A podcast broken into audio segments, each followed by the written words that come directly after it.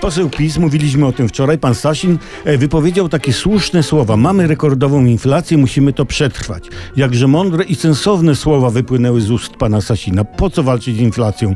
Władza ma dużo ważniejsze problemy. Za rok wybory parlamentarne, trzeba dzielić miejsca na listach, zdecydować, który ze znajomych teraz ma dostarczać do przyszłego parlamentu wodę mineralną, kto gazowaną, kto niegazowaną. Nie ma czasu zajmować się takimi pierdołami jak inflacja.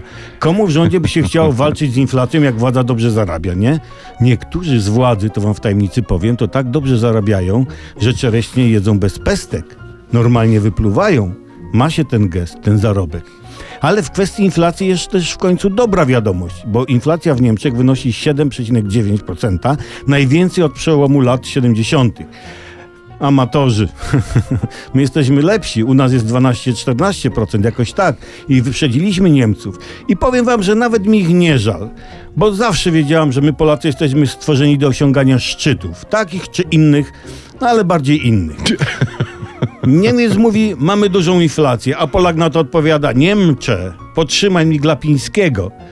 Tak, tak, kochani, Niemcy jeszcze wiele muszą się od nas nauczyć, choć trzeba przyznać, że Niemcy w wyścigu inflacyjnym depczą nam po piętach. Nie możemy dać się prześcignąć. Wszystkie ręce na pogład.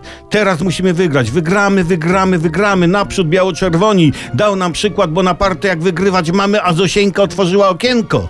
O, nas nie dogonią Niemcy.